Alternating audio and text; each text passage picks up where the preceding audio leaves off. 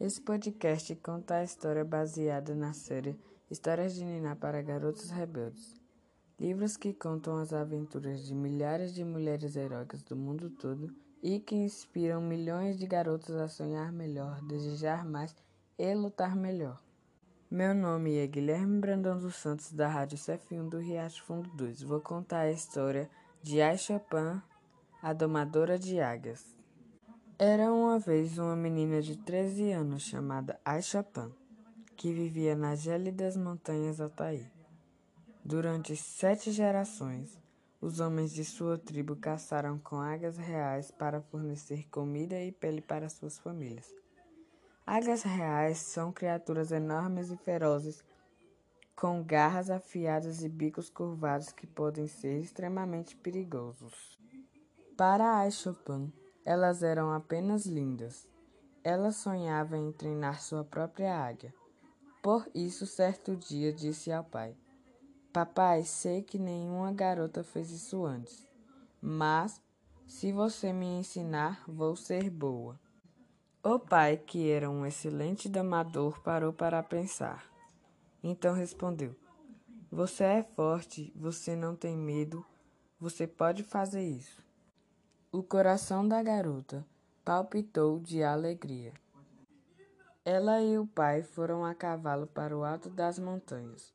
Encontrar uma jovem águia não era coisa fácil.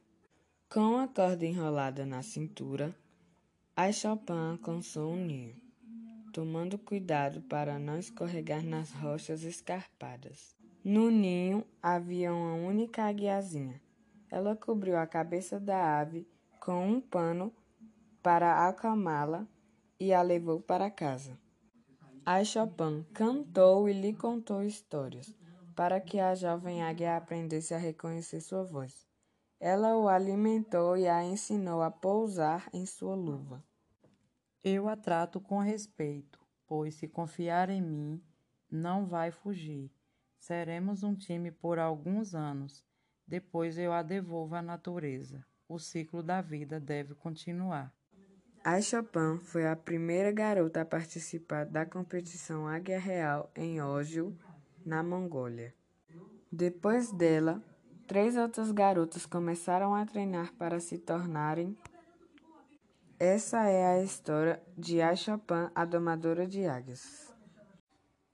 Esse podcast conta a história baseada na série Histórias de Niná para Garotos Rebeldes Livros que contam as aventuras de milhares de mulheres heróicas do mundo todo e que inspiram milhões de garotas a sonhar melhor, desejar mais e lutar melhor. Meu nome é Guilherme Brandão dos Santos, da Rádio CF1 do Riacho Fundo 2. Vou contar a história de Yashapan, a domadora de águias.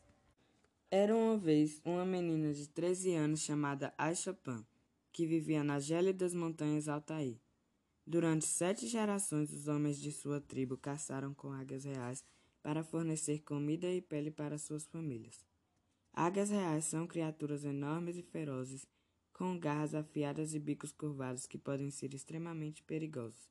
Para a Chopin, elas eram apenas lindas, ela sonhava em treinar sua própria águia. Por isso, certo dia, disse ao pai: Papai, sei que nenhuma garota fez isso antes, mas se você me ensinar, vou ser boa. O pai, que era um excelente domador, parou para pensar. Então respondeu: Você é forte, você não tem medo. Você pode fazer isso. O coração da garota palpitou de alegria. Ela e o pai foram a cavalo para o alto das montanhas. Encontrar uma jovem águia não era coisa fácil. Com a corda enrolada na cintura, a Chopin alcançou um ninho tomando cuidado para não escorregar nas rochas escarpadas. No ninho havia uma única aguiazinha.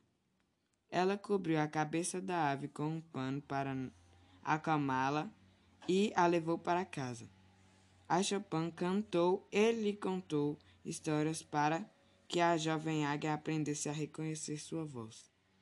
Ela a alimentou e a ensinou a pousar em sua luva. Eu a trato com respeito, pois se confiar em mim, não vai fugir. Seremos um time por alguns anos. Depois eu a devolvo à natureza. O ciclo da vida deve continuar. A Chopin foi a primeira garota a participar da competição Águia Real em Ógio, na Mongólia. Depois dela, três outras garotas começaram a treinar para se tornarem domadoras de águias. Essa é a história de A Chopin, a domadora de águias.